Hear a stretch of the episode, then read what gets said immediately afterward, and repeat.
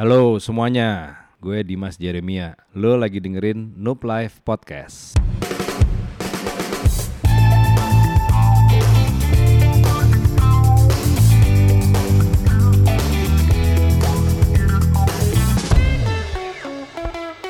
Halo, balik lagi di Noob Life.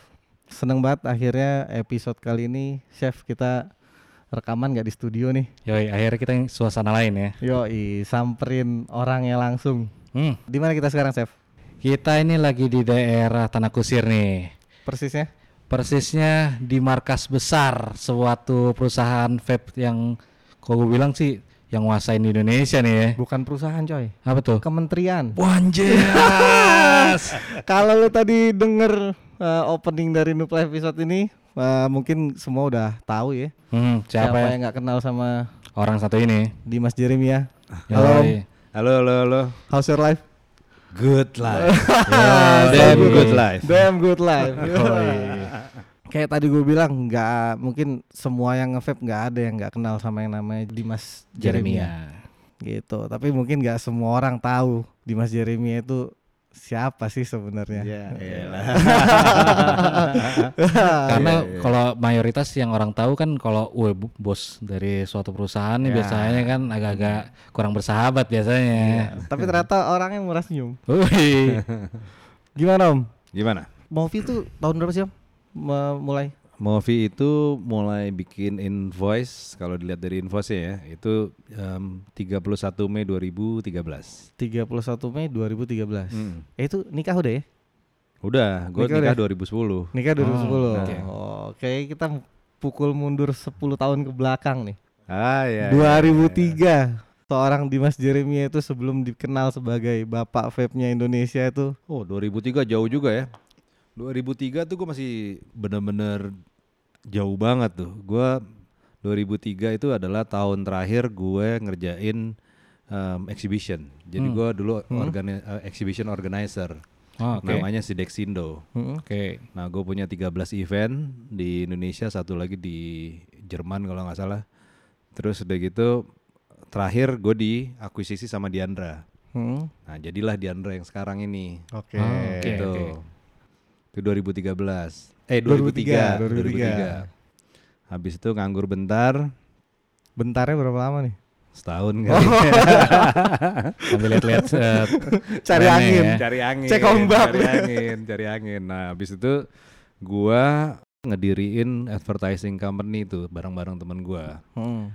Tapi gua lebih fokus di di IO-nya pada saat itu. Oke. Nah, terus gue bantu launchingnya ada salah satu operator namanya Tri. Mm-mm. Oh iya oke. ya kan Tri kan Hmm. nah, gue seneng tuh gue seneng tuh project-project yang challenger jadi challenger challenger gitu karena waktu itu Tri itu ngelawannya gede-gede ngelawannya Indosat sama ngelawannya Oh. Telkomsel kan Industri baru ya. Industri baru. Terus baru. nah dari Tri itu ngerjain event terus ngerjain marketingnya dan segala macem terus gua ngerjain nggak sengaja ya ngerjain billboard Oke. Billboard dari apa tuh? Company apa? dari perusahaan gue yang sama jadi dulu gue Hmm. perusahaannya namanya Poka Oh Hmm. oke. jadi gue ngerjain bill, uh, billboard jadi kebetulan waktu itu di Bali kita lagi mau launching Mm. Terus udah gitu mereka lupa nih order billboard. Oke. Jadi nggak sengaja Gak sebenarnya. sengaja, gak sengaja. Nggak sengaja. Iya, nggak sengaja. Rezeki nomplok Nah, namanya. Langsung garap. Terus gue bilang, sini gue bantu. Bilang Wih. gitu. Tapi jangan Bali doang dong. Oh. Upselling Langsung coy. panjang gila. Langsung panjang, ya kan. Jadi gue disi- eh, eh, dikasih beberapa kota, gue bikin lah perusahaan billboard. Oke. Terus eh, dari perusahaan billboard ini, ini juga kebetulan lagi, Hmm. kebetulan lagi dari perusahaan billboard. Nah, jadi deket kan nih gue hubungannya sama orang-orang telco kan jadi deket. Oke. Terus udah gitu pada suatu hari gue lagi main biliar nih sama anak-anak orang-orang Nokia, Nokia Siemens, Hmm. orang-orang bule-bule gitu. Mereka lagi pusing banget gara-gara nyari IMB buat bikin tower BTS itu susah Oke. Pada saat itu. pada saat itu. Tahun berapa tuh jadi itu? 2000 Tahun 2007, 2007. 2007. 2006 2007. Hmm. Susah katanya nyari-nyari spot buat bikin tower tuh susah. Karena Hmm. IMB untuk tower tuh diberhentiin. Oke. Karena kan untuk kota tuh jelek kalau ada towernya Oh kan. iya betul. Gue langsung bilang aja, gini deh, gue bantu lu mau nggak? Gue bilang gitu. Tapi jangan jangan Jakarta doang juga.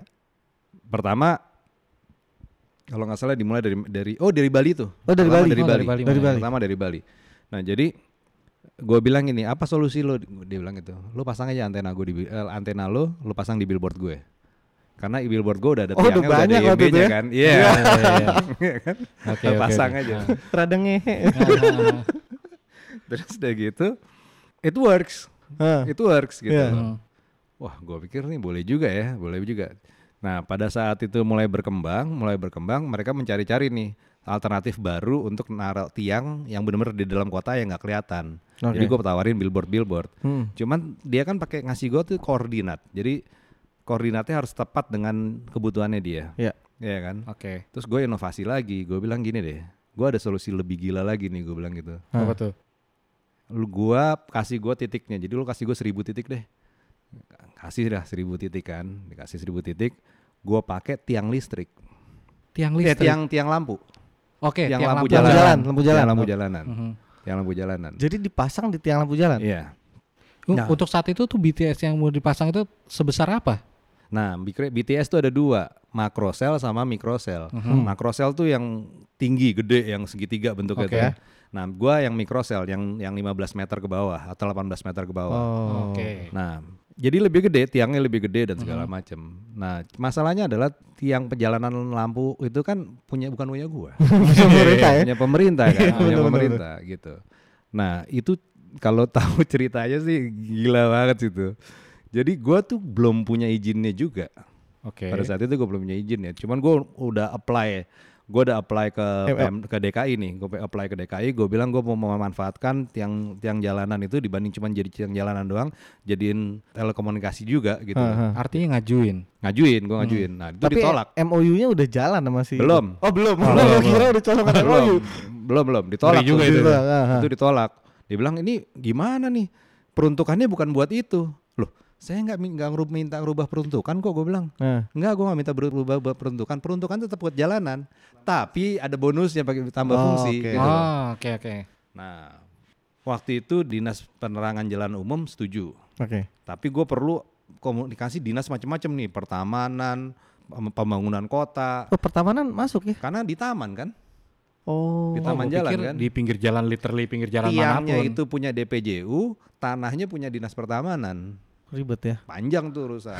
ya Gila, kan? u- Udah. urusannya sampai dua Hmm. pihak kayak gitu. Ya, terus ada lagi asbang, asisten pembangunan, Hmm. ada lagi gubernurnya segala macam. Zamannya siapa itu gubernur? Foke.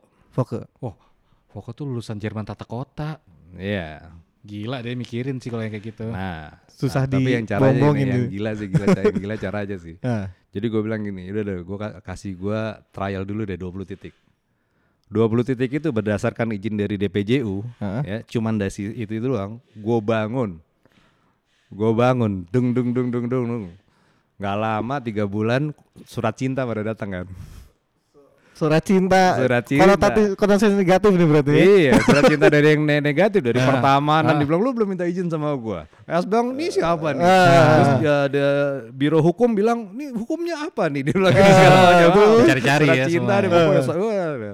Ya udah, gue baru dengan dengan surat cinta itu gue samperin satu-satu. Ini dia gue bilang gitu, gue tunggu-tunggu nih surat cinta gue. Kalau nggak dapet surat cinta ini gue nggak tahu mesti ngurus sama siapa. Bilang gitu. Oh.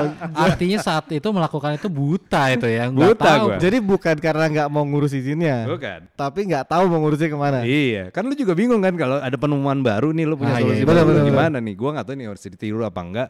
Tapi pada saat itu gue pikir, nah kan belum kawin tuh, Ah, ah. ya kan? Sejelek-jeleknya paling gue mesti balikin titik ke operator, Ah. gue didenda. Bayar ganti rugi. Iya, misalnya gue mesti masuk masuk apa namanya eh, di apa namanya? BAP dan segala Oh, macam. Ya iya, udah lah ya. ya kan? Masih hidup sendiri lah ya. Iya, ya udah lah ya. Maksud gue tapi gue nggak kriminal. Hmm. Gue maksud gue adalah lo boleh tegur gue supaya lo bisa nanya kenapa pemikiran gue tuh menurut gue bagus. Oke. Kenapa ini bisa memba- bisa membantu Jakarta juga? Ya, lo boleh hukum gue, ya, Om, ya. lo boleh hukum gue, tapi gue melakukan ini nih bukan untuk ngejelek-jelekin Jakarta, malah ini mau memajukan Jakarta. Hmm. Tapi pada saat gue mau ngomong, gue nggak tahu mesti ngomong sama siapa.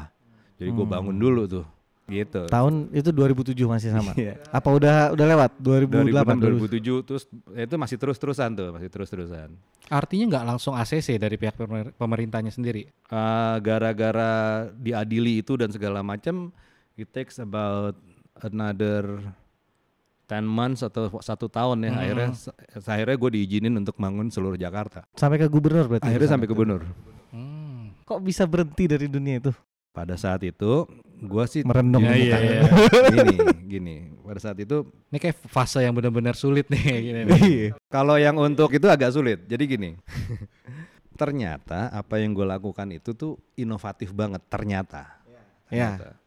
Nah, cuman begitu gue udah mulai roll out, ada satu perusahaan gede ini, gede banget perusahaannya dan orangnya tuh bener-bener di Jakarta inilah jagoan banget lah gitu lah, jagoan banget. Punya posisi ya. Sebut nama nih, sebut nama? Oke, ya, Oke oke oke skip skip. Tapi kalau lo nonton nonton film-film Godfather segala macam tuh kira-kira yang datengin gue Godfather kayak gitu. Oh, Iya. oke. Punya power ya. Ya, banget, punya powernya banget, banget gitu. Jadi dia cuma bilang bahwa apa yang lo lakukan tuh bagus. Kira-kira gue boleh nggak beli saham perusahaan lo? Tapi gue udah tahu bahwa jawabannya itu nggak bisa enggak. Iya. ngerti ya lah. Iya, Pasti iya, pasti ya. iya. It's matter of Karena time aja ya. Iya, ya. offer that I cannot refuse gitu loh. Karena kalau gue mengandalkan kekuatan gue sendiri, mungkin di depannya gue bisa buka pintunya. Cuman begitu udah pintunya udah kebuka, itu dengan mudah orang lain bisa tutup kalau misalnya powernya gede. Oh, iya, oke, oke. Gitu. Akhirnya Dengan berat hati. dengan berat hati akhirnya gue mesti shake hand. Wow. Nggak sih shake hand. Karena Sebenarnya gampang sih dok kalau kita mau cari tahu. Sekarang sih lihat aja siapa yang megang kan. iya. Iya. iya. Dijawab iya lagi. Iya, iya, emang iya, karena tiang-tiang gue masih ada, tiang-tiang gue masih ada, Oke, siapa yang take over aja. Gitu. Itu tahun 2000? itu tahun 2008 sampai tahun 2000 ya 2000 sampai pokoknya sampai 2008 lah kira-kira. Nah, buat lo yang lagi kepo nih silahkan googling deh. 2008 siapa siapa juga Iya. di Jakarta ya. Iya, terus dari situ kan gue seringnya nongkrong di kantor-kantor telco kan. Gue cuma nanya gini, eh gue nih kan lu tahu sendiri kan, gue kerja kan bener-bener gue kejar su- semuanya Iya. segala macam dan lu happy kan. Gue cuma minta satu doang, gue bilang bantu gue dong. Bisa nggak sih gue dapetin kerjaan di telco ini sesuatu yang menghasilkan duit juga, Hmm. tapi nggak sekeras gini gitu kerjaannya. Ada nggak sih sebetulnya yang lo, lo- lo- lobang yang rada empuk gitu? Ya. Lahan basah baru Iya. ya kira-kira. Lahan basah baru. Baru akhirnya dikasih tahu, lu coba deh. Itu aja tuh, konten provider aja, oh. SMS. SMS premium, Ketik SMS spasi apa? ketik rek spasi, ramal, jodoh, apa segala Iya. macam ya kan pada saat itu kan. Ah. Gua sampai bingung. Ini siapa juga sih yang mau kayak begini kan? Siapa Mhm. yang mau kayak begini? Tapi kan udah banyak itu. Iya Apa, banyak. i- yang apa istilahnya kalau yang idol-idolan gitu Soalnya gini, pada saat gua tanya sama orang-orang yang gua kenal, eh lu RBT-nya apa? Enggak, gua nggak pakai RBT. Terus gua tanya lagi, lu kalau misalnya pakai ringback tone bayar 5000 ribu buat lu mahal apa enggak? Males gua, mahal. Orang gua yang bayar, orang lain yang denger. Iya, kok iya. gua pikir setelah gua survei kok nggak ada yang teman-teman gua nggak ada yang mau gitu loh. Terus kayak gimana nih bisnis kan gitu kan? Heeh. Ternyata habis itu gua salah nanya.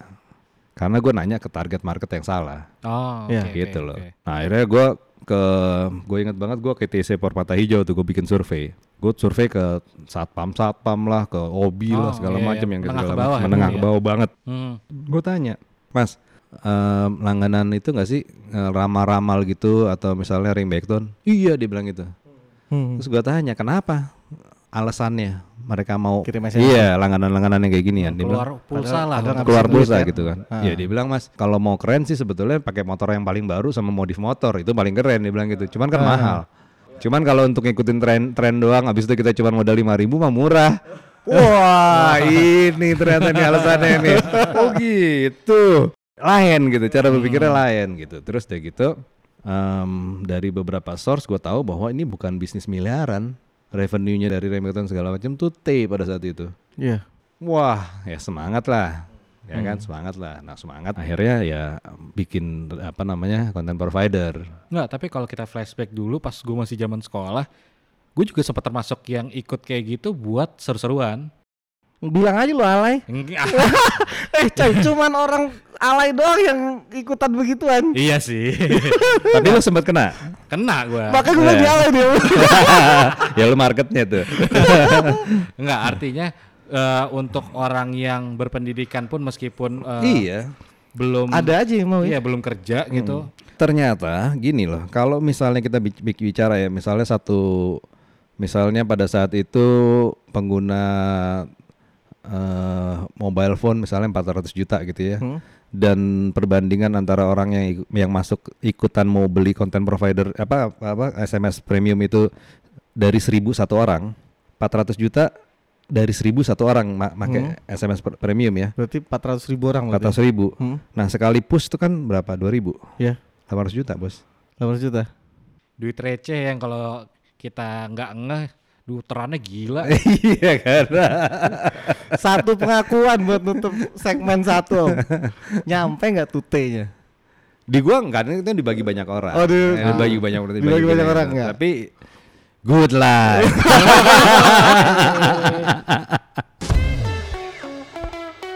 Balik lagi di Nuplay. Masih dengan keseruan kisah hidupnya Om Dimas. Iya nih Om Dimas Jeremia nih. Iya Kocak sih kalau inget-inget ya. Om dari tadi lu pakai apa sih? Ini gua lagi pakai produk gue yang baru nih belum keluar namanya iSwitch iSwitch. ya. Dia close system. Dia refillable system Lo kan udah, nggak nge-vape lagi kan Tapi lo Ah. tahu cara rasanya Waduh. Ini oke oke. Oh tet- tetap ada firingnya. Enggak lo tinggal isep doang itu Oh tinggal isep doang. Oke. Lalu buttonnya oke, oke. fungsi apa tuh? Button Itu ya? cuma on off sama ada lo settingan power ada optionnya tiga option Tapi lo bisa nyobain sih Oke oke oke oke. Terus sama kayak yang waktu itu bisa dikonek ke HP buat setting segala macamnya? Apa? Enggak, ya kalau ini gue bikinnya soalnya um, very affordable. Jadi kelihatannya oke tapi sangat affordable. Jadi gue pengennya bikin sesuatu yang harganya tuh tidak lebih dari 10 bungkus rokok. Oh, Ini. Heeh. Oke. Oke. Ini dari bentuknya nih ya buat ya, yang di Spotify dan kawan-kawan. Ini bentuknya ini jujur nih kayak peralatan kantor. Ya. Cocok banget buat lo yang kerja di office dan lo nggak mau show off lo bawa vape. Iya, benar. Masuk kantong. Mhm. Emang konsepnya gitu. Seukuran rokok lebih gede dikit. Setelunjuk lah ya. Setelunjuk. Setelunjuk. Om. Bocoran om. Kira-kira harganya berapa? Kisaran aja deh. Enggak, itu harganya 240 ribu. 240 240 ribu. Terus dia bisa diisi pakai liquid yang biasa. Bisa diisi pakai liquid yang biasa. Walaupun gue juga nyiapin juga liquid yang khusus yang gue bikin ya. Yang Movi 21 kemarin bukan? Bukan. Beda Bukan. lagi. Heeh. Khusus buat ini. Heeh, tapi bisa di li- bisa diisi liquid biasa. Dan ini emang belum ada di negara lain. Belum, Belum ada. ada. Baru mau Iya, di keluarnya di sini. nanti. bulan bulan Agustus minggu pertama. Agustus minggu pertama. Hmm. Bentar Nah. lagi, Jo. Iya iya. iya. Dan gua mau fokus sama harganya nih tadi nih. Ini kan bener-bener gila ini. nah, 250 pertanyaan gua, ini dengan harga segini ketahanannya durability-nya itu gimana, Om? Misalkan ini ada sesuatu yang perlu ibaratnya mesin ada yang aus perlu diganti, kayaknya sih masih oke dan pertanyaannya spare partnya yang perlu diganti gitu apakah akan semudah itu untuk didapetin gitu. Karena jujur gue make yang model-model pot terakhir ya buat gua kantong itu makin ke sini makin ke sini keluar yang baru keluar yang baru akhirnya gue mau ganti Iya, spare mau part repot kan. Terus Hmm. berganti itu. Nah itu dia kenapa gue mau bikin karena kalau misalnya ini bikinan orang Indo kita sendiri yang bikin Hmm. otomatis spare partnya gue punya semua dan moldingnya ini kan punya gue jadi lu nggak mungkin misalnya mau beli cartridge-nya nggak ada gitu nggak mungkin Hmm, gitu iya, loh itu yang gua maksud. mungkin Dan gampang dapetin ya berarti. Mm-mm, gitu Artinya eh, untuk jangka panjang ini akan aman ya. aman Dan ini full bikinan anak negeri berarti nih desainnya segala macam tapi Hmm. gua sementara ini bikinnya di Cina di Cina. Hmm, karena mungkin peralatan manufacturer lebih ini ya. Em, dia bisa bring the cost down Oh. oke, karena oke. supply chain manajemennya dia tuh udah bagus banget gitu loh. Jadi supplier tuh udah di satu kota, udah integrated banget dan segala macam. Kecepatan mereka bikin tuh tinggi, Mhm. efisiensinya tinggi segala macam. Jadi untuk kualitas yang sama, gua kalau bikin di Indonesia jauh lebih mahal Oh, Oke. gitu. Itu dia- itu 2019. masalahnya gitu. Hmm. Ternyata Indonesia udah sangat maju di Ya. Bidang dunia ini. uap bukan asap ini. Uap, Uap bukan bukan asap. Uap bukan asap itu campaign movie awal-awal ya, iya, iya. Hashtag uap bukan asap. Hmm. 2019 berarti mu- eh, movie tadi 2013. 13. 6 tahun yang lalu. Gua kenalan vaping itu 2012. 2012. Iya, gue dikasih sama ah, dulu dulu namanya siapa sih namanya? Gue lupa orang India tuh, CMO-nya Tri. Oh, bukan bukan orang Indo yang ngenalin vape Enggak, enggak, enggak. orang Yang luar. kenalin uh, CMO-nya Tri. Hmm. Um, Buan namanya Buan. Dan di tahun itu katanya Om Dimas ini nenteng-nenteng koper Mm-mm. door, Door to door, door. cuman Oke. buat ngenalin vape ke orang itu kenalin atau emang lu nawarin produk? Jualan gua. jualan produk Gua Eh, jualan yang, yang produk. sama ke yang orang India itu kenalin ke lu Enggak, enggak, enggak. Gue kenal dari orang India ini. Oke. Jadi ceritanya gue dikenalin sama orang India ini, gue dibeliin produk namanya Blue. Hmm. Bentuknya tuh kayak bener-bener kayak rokok. Kalau diisep pernah- tuh ada lampunya. pernah lihat gua. Lampunya Oh. biru gitu kan. Itu kayak eh, generasi pertama banget ya. Generasi pertama Iya. banget. Dan gue pernah pakai juga model-model kayak gitu. Iya. Entah Nah, brand apa itu. Betul. Nah, gue ngelihat ada opportunity opportunity di situ tuh. Hmm, Karena gue suka konsepnya tapi gue nggak suka experience-nya. oke Jadi I was wondering kalau misalnya gue bisa nemuin solusi ini dengan experience yang berbeda. Nah, gue import nih, gue import em, alat-alat segala macam. Ternyata gue menemukan bahwa tidak semua device itu enak, Hmm, tidak semua liquid itu enak. oke Nah, tapi kalau dapat yang enak, itu enak banget. enak banget Oh, itu oke, dapat tuh enak-enak enak banget. Nah, terus udah gitu, gue mulai nyobain nih, yang ba- barang yang enak ini gue coba jualan ke teman-teman gue untuk tahu bahwa itu ada marketnya atau enggak. Ya Nah, untuk itu tuh gue pakai koper dari kafe ke kafe, dari kantor ke kantor, dari rumah orang ke rumah orang, dan segala macam. Pokoknya gue coba jalan jualan salesman keliling aja gitu.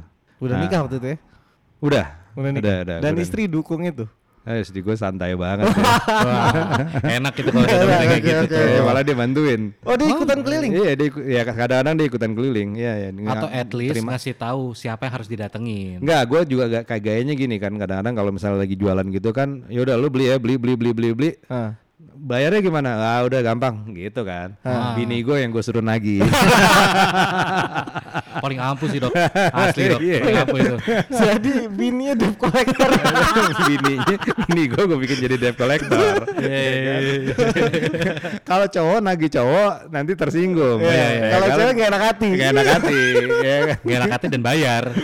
Dan kalau cowok juga kadang-kadang kita lupa jualan sama siapa. apa Iya, iya, iya. Kalau cewek nggak mungkin lupa. Dia gak mungkin lupa. Urusan kebul dapur coy soalnya itu coy. gitu. Terus udah, nah tractionnya dapat nih. Gue bilang nih potensi nih. Tapi gua nggak ada pemikiran bahwa gua akan buka toko pada saat itu. Karena gue pikir cuman sesimpel bahwa gua bisa berhenti ngerokok dan gua ngerasa ini adalah good news. Gue pengen share ke orang lain. Oke. Mhm. Nah, cuman tentunya kalau mereka mau ya mereka beli gitu. Tapi bukan untuk punya toko. Gue baru punya pikiran punya toko setelah karena gue import barang-barang dari luar. Misalnya dari 10 barang yang gue import, tiba-tiba kok ada dua yang gue dapat panggilan dari bea cukai. Hmm. Ada tiga yang yang nyangkut, nyangkut. Wah, Hmm. ini kalau nyangkut-nyangkut begini, kalau gue bisa cari cara supaya nggak nyangkut dan segala macam bisa jadi duit nih. Ya. Oh iya, pikir benar, gitu benar. kan. Berarti orang lain kalau misalnya ngorder-ngorder nyangkut-nyangkut juga dong nih. Oh iya iya Benar. iya. Berarti ini waktunya gue bikin toko nih. Oh. Gitu. Oke oke. Ini nih. Lahirlah Movi. Lahirlah movie itu. Berarti sebelum movie versi toko ini jadi, door to door itu bisa berjalan berapa lama om? hampir setahun.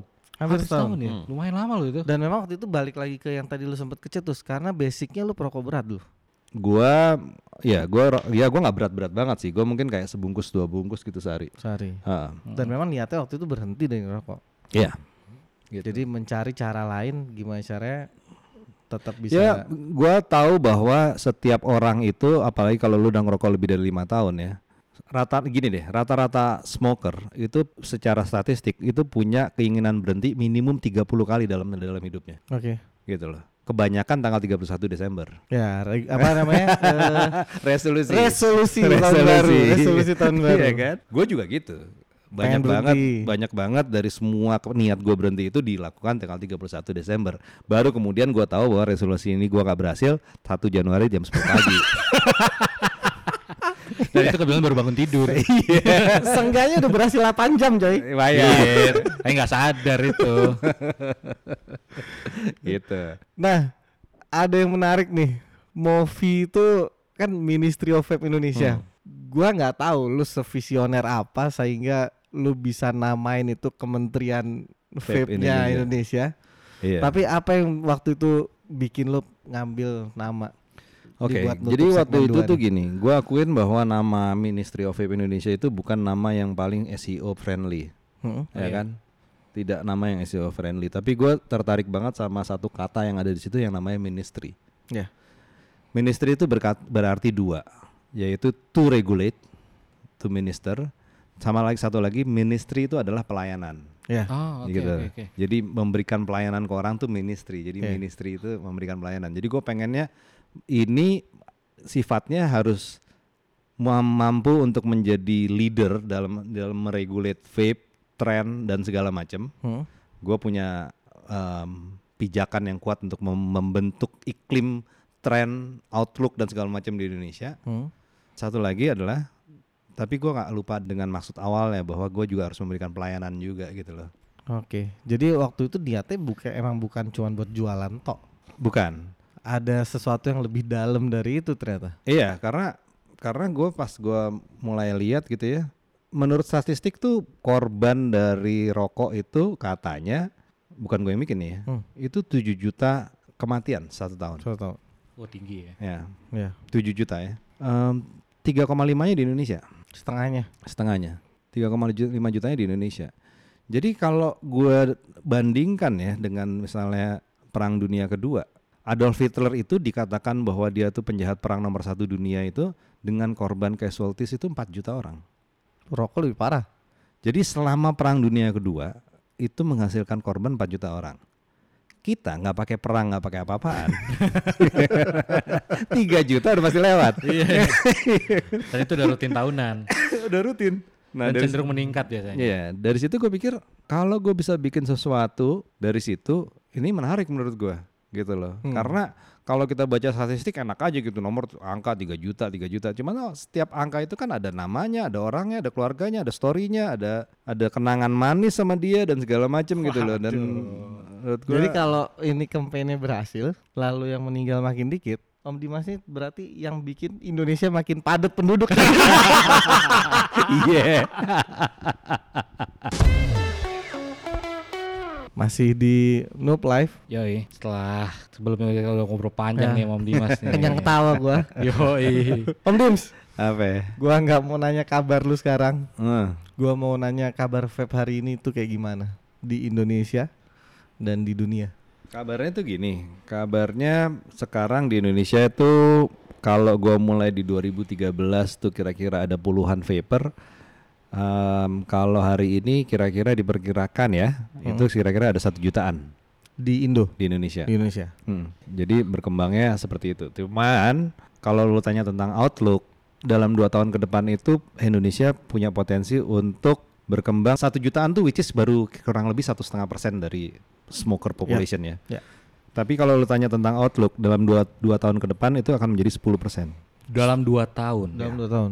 Jadi perkembangan kita selama 5-6 tahun ini itu menghasilkan satu persen. Tapi dari sekarang sampai dua tahun lagi itu ledakannya bakal gila Oke. gitu. Itu bakal jadi kurang lebih gue perkirakan jadi akan menjadi enam setengah juta orang Di Indonesia. di Indonesia. Ya kira-kira momentum apa yang bakal akan kejadian nih? Oke. Sam? Soalnya lonjakan angkanya tinggi itu. Tinggi. Jadi momentumnya adalah satu ada perusahaan besar yang mulai masuk nih. Misalnya kayak Jul tanggal 1 Juli kemarin udah resmi beroperasi di Indonesia. Oke. Philip Morris tahun depan gitu. Philip Morris ngeluarin IQOS, dia ngeluarin IQOS tahun depan. Oh. Dari Philip Morris ya. Iya. Hmm, Gila. Perasaan iklan rokoknya baru. makanya. Jadi dari situ itu satu faktor. Hmm. Faktor kedua adalah kalau dulu orang suka vaping itu karena dianggap lebih memberikan keuntungan kesehatan, Ya. Oke. ya kan? Em, tapi gue sih selalu percaya bahwa facts tell, emotion sell. Hmm. Jadi kalau dulu kenapa cuma satu juta dalam 5-6 tahun karena kita jualannya facts. Tapi yang ke depan kenapa dia menjadi meledak, vaping itu menjadi lebih seksi gara-gara emotion. Emotion tuh gini loh. Orang tuh udah mulai ngeliat benefit vape yang paling utama tuh justru karena dia nggak bau. Setuju banget gua. Ini yang selalu gue pegang tanpa berdebat sama orang. Ya. Karena orang salahnya ini orang yang nge-vape, gua nggak salahin dia kenapa dia nge-vape atau di mana pun dia nge-vape ya, ataupun cara dia nge-vape. Hmm. Karena memang banyak eh, vapor umum yang dia ngerasa vape ini aman nggak ganggu orang, tapi dia ngebul mungkin di mall. Dan sampai sengaja waktu itu zaman awal-awal ya, sering banget kedenger kalau ada anak-anak muda nge-vape, sengaja nyari-nyari satpam biar ditegor gitu loh, terus sampai disembur gitu loh. Tapi gua nggak mau berdebat kalau vape ini lebih sehat atau vape ini lebih aman ketimbang rokok.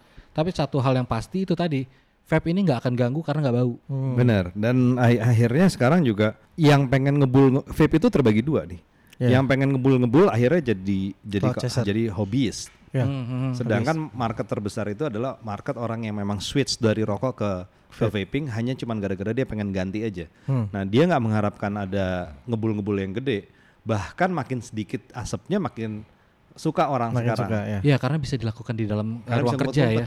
Iya betul betul. betul. Iya bisa ngumpet-ngumpet. Dulu Di pas gue masih kerja di Sleepy di kantoran gue di gedung uh, Depot Tower itu gue senang banget begitu gue masih pakai Kaifun. Kaifun bisa kecil banget Mm-mm. dan itu nggak ngebul tapi gue masih ngerasain flavornya. Itu gue senang gue sambil kerja selalu nggak boleh ngebul. Iya, lo nggak perlu keluar-keluar, nggak perlu panas-panas betul, segala betul, macam kayak gitu. gitu-gitu. Nah, jadi itu satu emotion emotionnya dan beda banget sama kayak lu pulang dari mana-mana, pulang ke rumah udah capek, anak lu mau meluk dan nggak mau lepas. Ya. Sementara lu kalau misalnya lu bau, lu dipeluk sebentar terus anak lu tiba-tiba ah bau. Nggak pengen. Ah, itu tuh pengaruh banget tuh Ya. kayak gitu. Dan untuk istri pun mayoritas malah dari awal sudah mencegah ya, jangan deket anak sebelum ber- beres-beres. Iya, mesti mandi dulu lah segala Hmm, macam kayak gitu-gitu kan. Nah, itu. Terus yang yang ketiga itu adalah gini. Em, sekarang ini kayak contoh yang di Project iSwitch gue ya. Hmm. eh, dari sisi device aja udah murah 240 ribu. Nah, dari sisi operationnya itu kira-kira ya satu bungkus kalau kalau gue ngitungnya dari jumlah isapan ya satu Iya. isapan tuh satu bungkus tuh kira-kira menghasilkan 300 isapan lah Mhm. ya kan isapan nah 300 isapan di di device ini itu cuma 9.800 rupiah Oke, Itu setengahnya, setengahnya, setengahnya.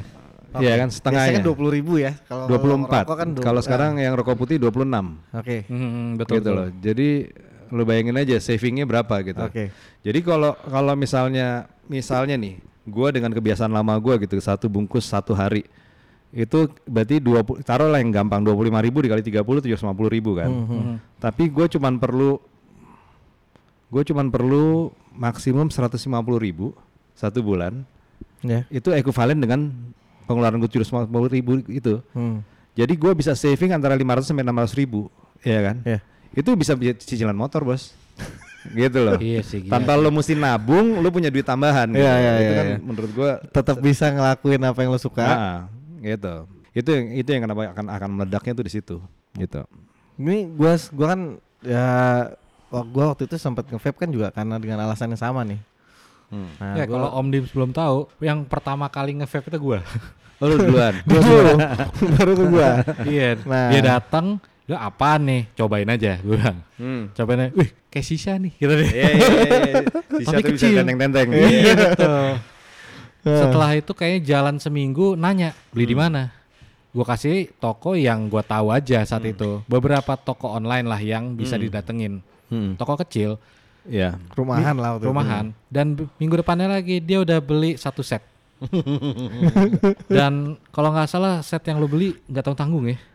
Oh, gua waktu itu beli ini Om, Smoke Back Pro yang kayak lightsaber. Iya, iya, iya, iya, iya, iya, iya. Gede banget coy. Iya, iya, itu iya. aja udah eh, agak-agak weird banget ya. Tapi nggak lama dari itu lari nggak tanggung tanggung.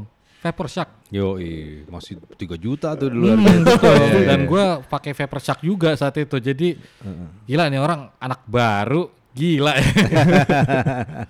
Tapi memang akhirnya ngasih dampak yang positif gitu, Benar. baik dari industri sama lingkungan juga gitu. Akhirnya kita bisa at least saat itu meskipun belum bisa ngajak orang buat ke vape, setidaknya mulai nge- ngeh dulu nih, aware dulu nih, karena gue juga basicnya marketing. Jadi kalau gue tahu, wah ini yang penting awarenessnya dulu kita tinggiin, baru kita bisa edukasi kayak Benar. gitu. Hmm. Nah, eh, soal edukasi tadi, kalau dulu itu masih sama kayak sekarang nggak sama. Kan gue jarang udah jarang banget nih bergaul. Syukurnya gue udah bisa bener-bener quit Hmm, hmm, smoke quit vape nih. hmm. eh Inggris masih menyatakan hal yang sama nggak sih? 95% eh, less harmful than smoking. Wah, kalau yang dari situnya tuh agak agak ekstrim tuh. Jadi kalau Inggris dua tahun yang lalu menyatakan bahwa vaping itu 95% lebih aman dibandingkan rokok. Hmm. Sebatas itu gitu. Tapi Iya. tahun ini eh, beberapa rumah sakit di Inggris bahkan udah membuka vape store di dalam rumah Di sakit dalam rumah sakit ya? dan boleh pasien itu boleh nge-vape di dalam ruang rawat. Iya karena kayak eh, yang tadi kita obrolin Iya sebelumnya iya iya. iya. eh, pas kita sempat ke UK 2018 ke London ya. ya, ha-ha. 2018 kita sempat itu dan main awalnya sih lihat-lihatnya yang di kios karena seneng lihat eh, toko liquid tapi dijual kios kayak gerobakan gitu. Iya. Meskipun mereka terima Visa sama Mastercard, Iya. tapi begitu kita ngeliat yang mau lebih lengkap, ternyata ada di mana di apotek ya. Iya di apotek. Di apotek. Jadi waktu itu gue beli eh, liquid itu di apotek itu di Manchester sama di London. Hmm, betul, betul bang. Iya. Jadi sekarang eh, Inggris udah eh, bahkan boleh dagang liquid di dalam rumah sakit. Nggak cuma dagang ya, tapi dia Oh. boleh boleh pakai di kamar. Iya. Gila sih. Jadi mereka ngelihat bahwa penyakit itu nggak cuman yang di dalam badan lo nih. Mhm. Stres juga bikin sakit soalnya. Iya, iya. Oh, Jadi kalau misalnya oke. pasien itu menjadi stres gara-gara nggak boleh ngerokok, Mhm. Ya lebih baik dikasih nge-vape betul, betul, betul. supaya dia cepet baik. gitu. Jadi pikirannya gitu aja gitu simpel. Ini sebelum jadi eh, viral dengan pembahasan yang diselewengkan. gue mau ngelurusin satu hal. Jadi eh Lu dokter lagi ya? Jadi gini, eh, rokok itu sampai dia dapat label merokok membunuhmu. Karena ini gue banyak banget keluarga gue sendiri nanya sama gue nih om. Vape itu kan bahaya. Nah gini gini gini gini. Gue bilang gini, kalau gue jawab objektif, Eh, rokok dapat label merokok membunuhmu itu setelah dilakukan penelitian dalam bentuk kohort. Kohort itu lo teliti eh, objek yang lo eh, kasih apa namanya eh, zat atau apalah istilahnya gitu ya. Satu lagi adalah objek pembanding yang dia nggak kita apa-apakan. Dilihat dulu puluhan tahun, setelah dapat hasilnya, baru kita bisa ambil kesimpulan. Nah, untuk vape sendiri yang gue tahu belum bi- belum dijalankan Hmm. kohort tuh. Jadi kalau misalnya orang mau bilang bahwa eh berbahaya, belum belum ada bukti Buktinya, betul. sebenarnya. Kalau bilang aman juga belum ada bukti yang belum jelas. ada bukti Iya. jelasnya juga, Iya. gitu. Iya. Kalau gue sih open minded aja urusan soal, soal kayak gitu. Iya iya Iya. iya. Dan lagi sebenarnya balik lagi ke sini ya ini urusan pemerintah sih. Jadi ranah kita yang belum masuk eh, industrinya emang nggak sekuat itu. Ya. Tapi kalau gue kalau eh gue pribadi nggak pernah ngelarang-larang orang rokok sih om. Lumayan dia pasien gue rumah sakit. Ini kurang lagi pasien. Iya nanti kalau sehat-sehat kurang lagi. Yaudah jangan terlalu serius deh. Om, jadi movie ke depan mau ngapain aja rencananya? Selain ini apa? I switch. Gue sih pokoknya gini. Gue sih kalau movie ke depan tuh yang penting tuh adalah gini. Em, kalau vape itu akan menjadi populer di Indonesia Ya. ya. Yang gue pikirin cuma begini. Gue nggak kepengen nggak ada local brand Ya. gitu loh. Karena gua bayangan gua adalah akan sayang banget kalau misalnya nanti ada Bali 10K, ada Jakarta atau Persija disponsorin oleh perusahaan kayak Wismac kayak gitu-gitu kenapa enggak Betul, tiba-tiba perusahaan lokal aja gitu kayak misalnya Hero 57 atau Ya, iya, iya, ya kan iya. Eh, itu atau si Mike Vape ya? House tuh yang Druga atau itu masih produksi semua. Iya masih. Masih ya? Iya, atau atau I switch gue gitu. Ah, Iya kan maksud tuh. gue sebagai orang-orang yang pionir-pionir vape ini udah membentuk pasar segala macam tapi jangan sampai me- mensurrender kita jadi cuman sekedar konsumen doang lah gitu menurut gua. Hmm, Kalau kita mau bikin satu perbaikan di Indonesia ya pakai brand lokal lah menurut gue sih gitu. Iya. Heeh. Berarti emang regulasinya yang harus diperbaiki. Regulasi ya. ya. Dan itu udah berjalan terus ya. Ya regulasi sih gua seneng di pemerintahan yang sekarang walaupun ada pro dan cons tapi tetap masih masih banyak orang yang open minded. Jadi gua sih bangga juga Indonesia menjadi salah satu negara yang bisa menyatakan bahwa vape itu legal ya dan perjalanan menuju ke sana tuh seru luar biasa sih. Selain Indonesia yang udah Ya, legal? Indonesia, Inggris, terus udah gitu yang legal banget ya. Jepang heat not burn-nya legal tapi misalnya tapi vape-nya enggak. Em, Atau baru Korea Inggris? mungkin ya? Korea. Heeh. Tapi yang memang jelas-jelas legal. Jelas-jelas Indonesia. Indonesia. Indonesia. terus diikutin kemarin sama New Zealand. Oke. Hmm. Nah tuh titik goalnya kemarin itu perjuangan Om Dimas sampai kita ketemu titik legal itu gimana? Nah tuh? itu kocak tuh, makanya gue juga heran ya, gue ke masuk industri kemarin yang tadi gue ceritain sama lo kayak content provider gitu Iya. di Bredel, kemudian sama pemerintah. Ah. Terus gue masuk ke vape, tiba-tiba beribut sama tiga menteri, ya kan? Tiga Sebut nama ya? kan ya, sebut nama. tiga dari Pak Rahmat Gobel, terus gitu terakhir Pak Enggar, in between ada Pak, Pak Gita, Oh, oke. gitu, ya lumayan gitu. Jadi jadi jadi uh, fight gitu ya. Nah, tadi pertanyaan apa? Eh, titik goalnya. Titik golnya. Titik golnya tuh gini. Waktu itu kita mem, gua mempresentasikan seperti ini. Satu bahwa lebih baik vape itu dibikin legal di Indonesia dengan alasan gini. Dengan mudah vape itu dibikin ilegal di Indonesia. Tapi karena ini ini, ini Indonesia, dengan dia ilegal bukan berarti vape itu tidak ada di pasaran. Betul. Iya. Gitu loh. Karena di Indonesia ini barang yang ilegal tuh Banyak. karena dia ilegal bukan berarti dia nggak ada di pasaran. Iya. Contoh misalnya narkoba. Hmm, Iya. Betul. Ya kan? Dia ilegal dari udah lama ilegal, tapi kan di di di pasar malah makin banyak Iya. Hmm. dan banyak sekali gitu kan. Jadi gue bilang sama sama pemerintah bahwa kalau ini dibikin ilegal, pemerintah tuh akan kehilangan kemampuan dia untuk kontrol dan pembinaan.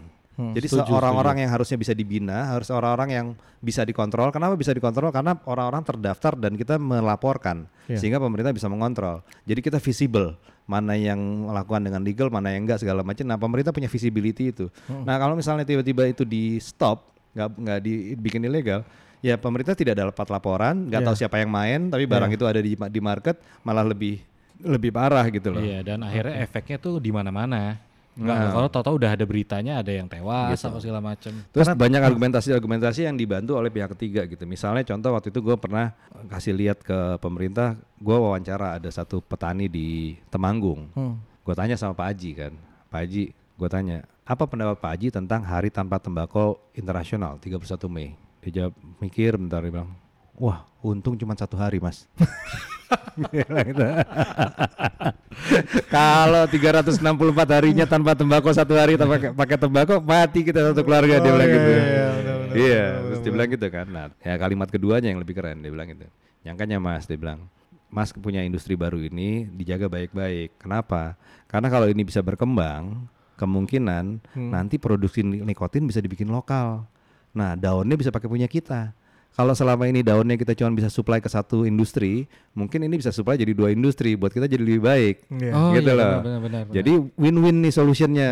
Pemerintah tetap dapat cukainya, masyarakat dapat dapat kesehatan, dapat pilihannya, dapat segala macam. Iya. Pengusaha dapat Tetap eh, menjual tembakonya. bisnisnya, Betul. tapi petani dapat kerjaannya, gitu loh. Nambah malah hitungannya. Nambah malah gitu loh. Jadi win-win solution. Nah itu gue puter nih videonya nih. Aha. Gue bilang, nah Pak, pemerintah kan selama ini pengennya orang berhenti ngerokok. Cuman ini ada ada 700-800 ribu kepala keluarga loh yang yang nanam Yang ternyata nggak pengen orang berhenti ngerokok. Iya, gue bilang Iya. ini baru kepala keluarganya doang segitu, tambah tambah anggota keluarga segala macam 4 juta orang, belum sama truknya segala macam gitu gitu.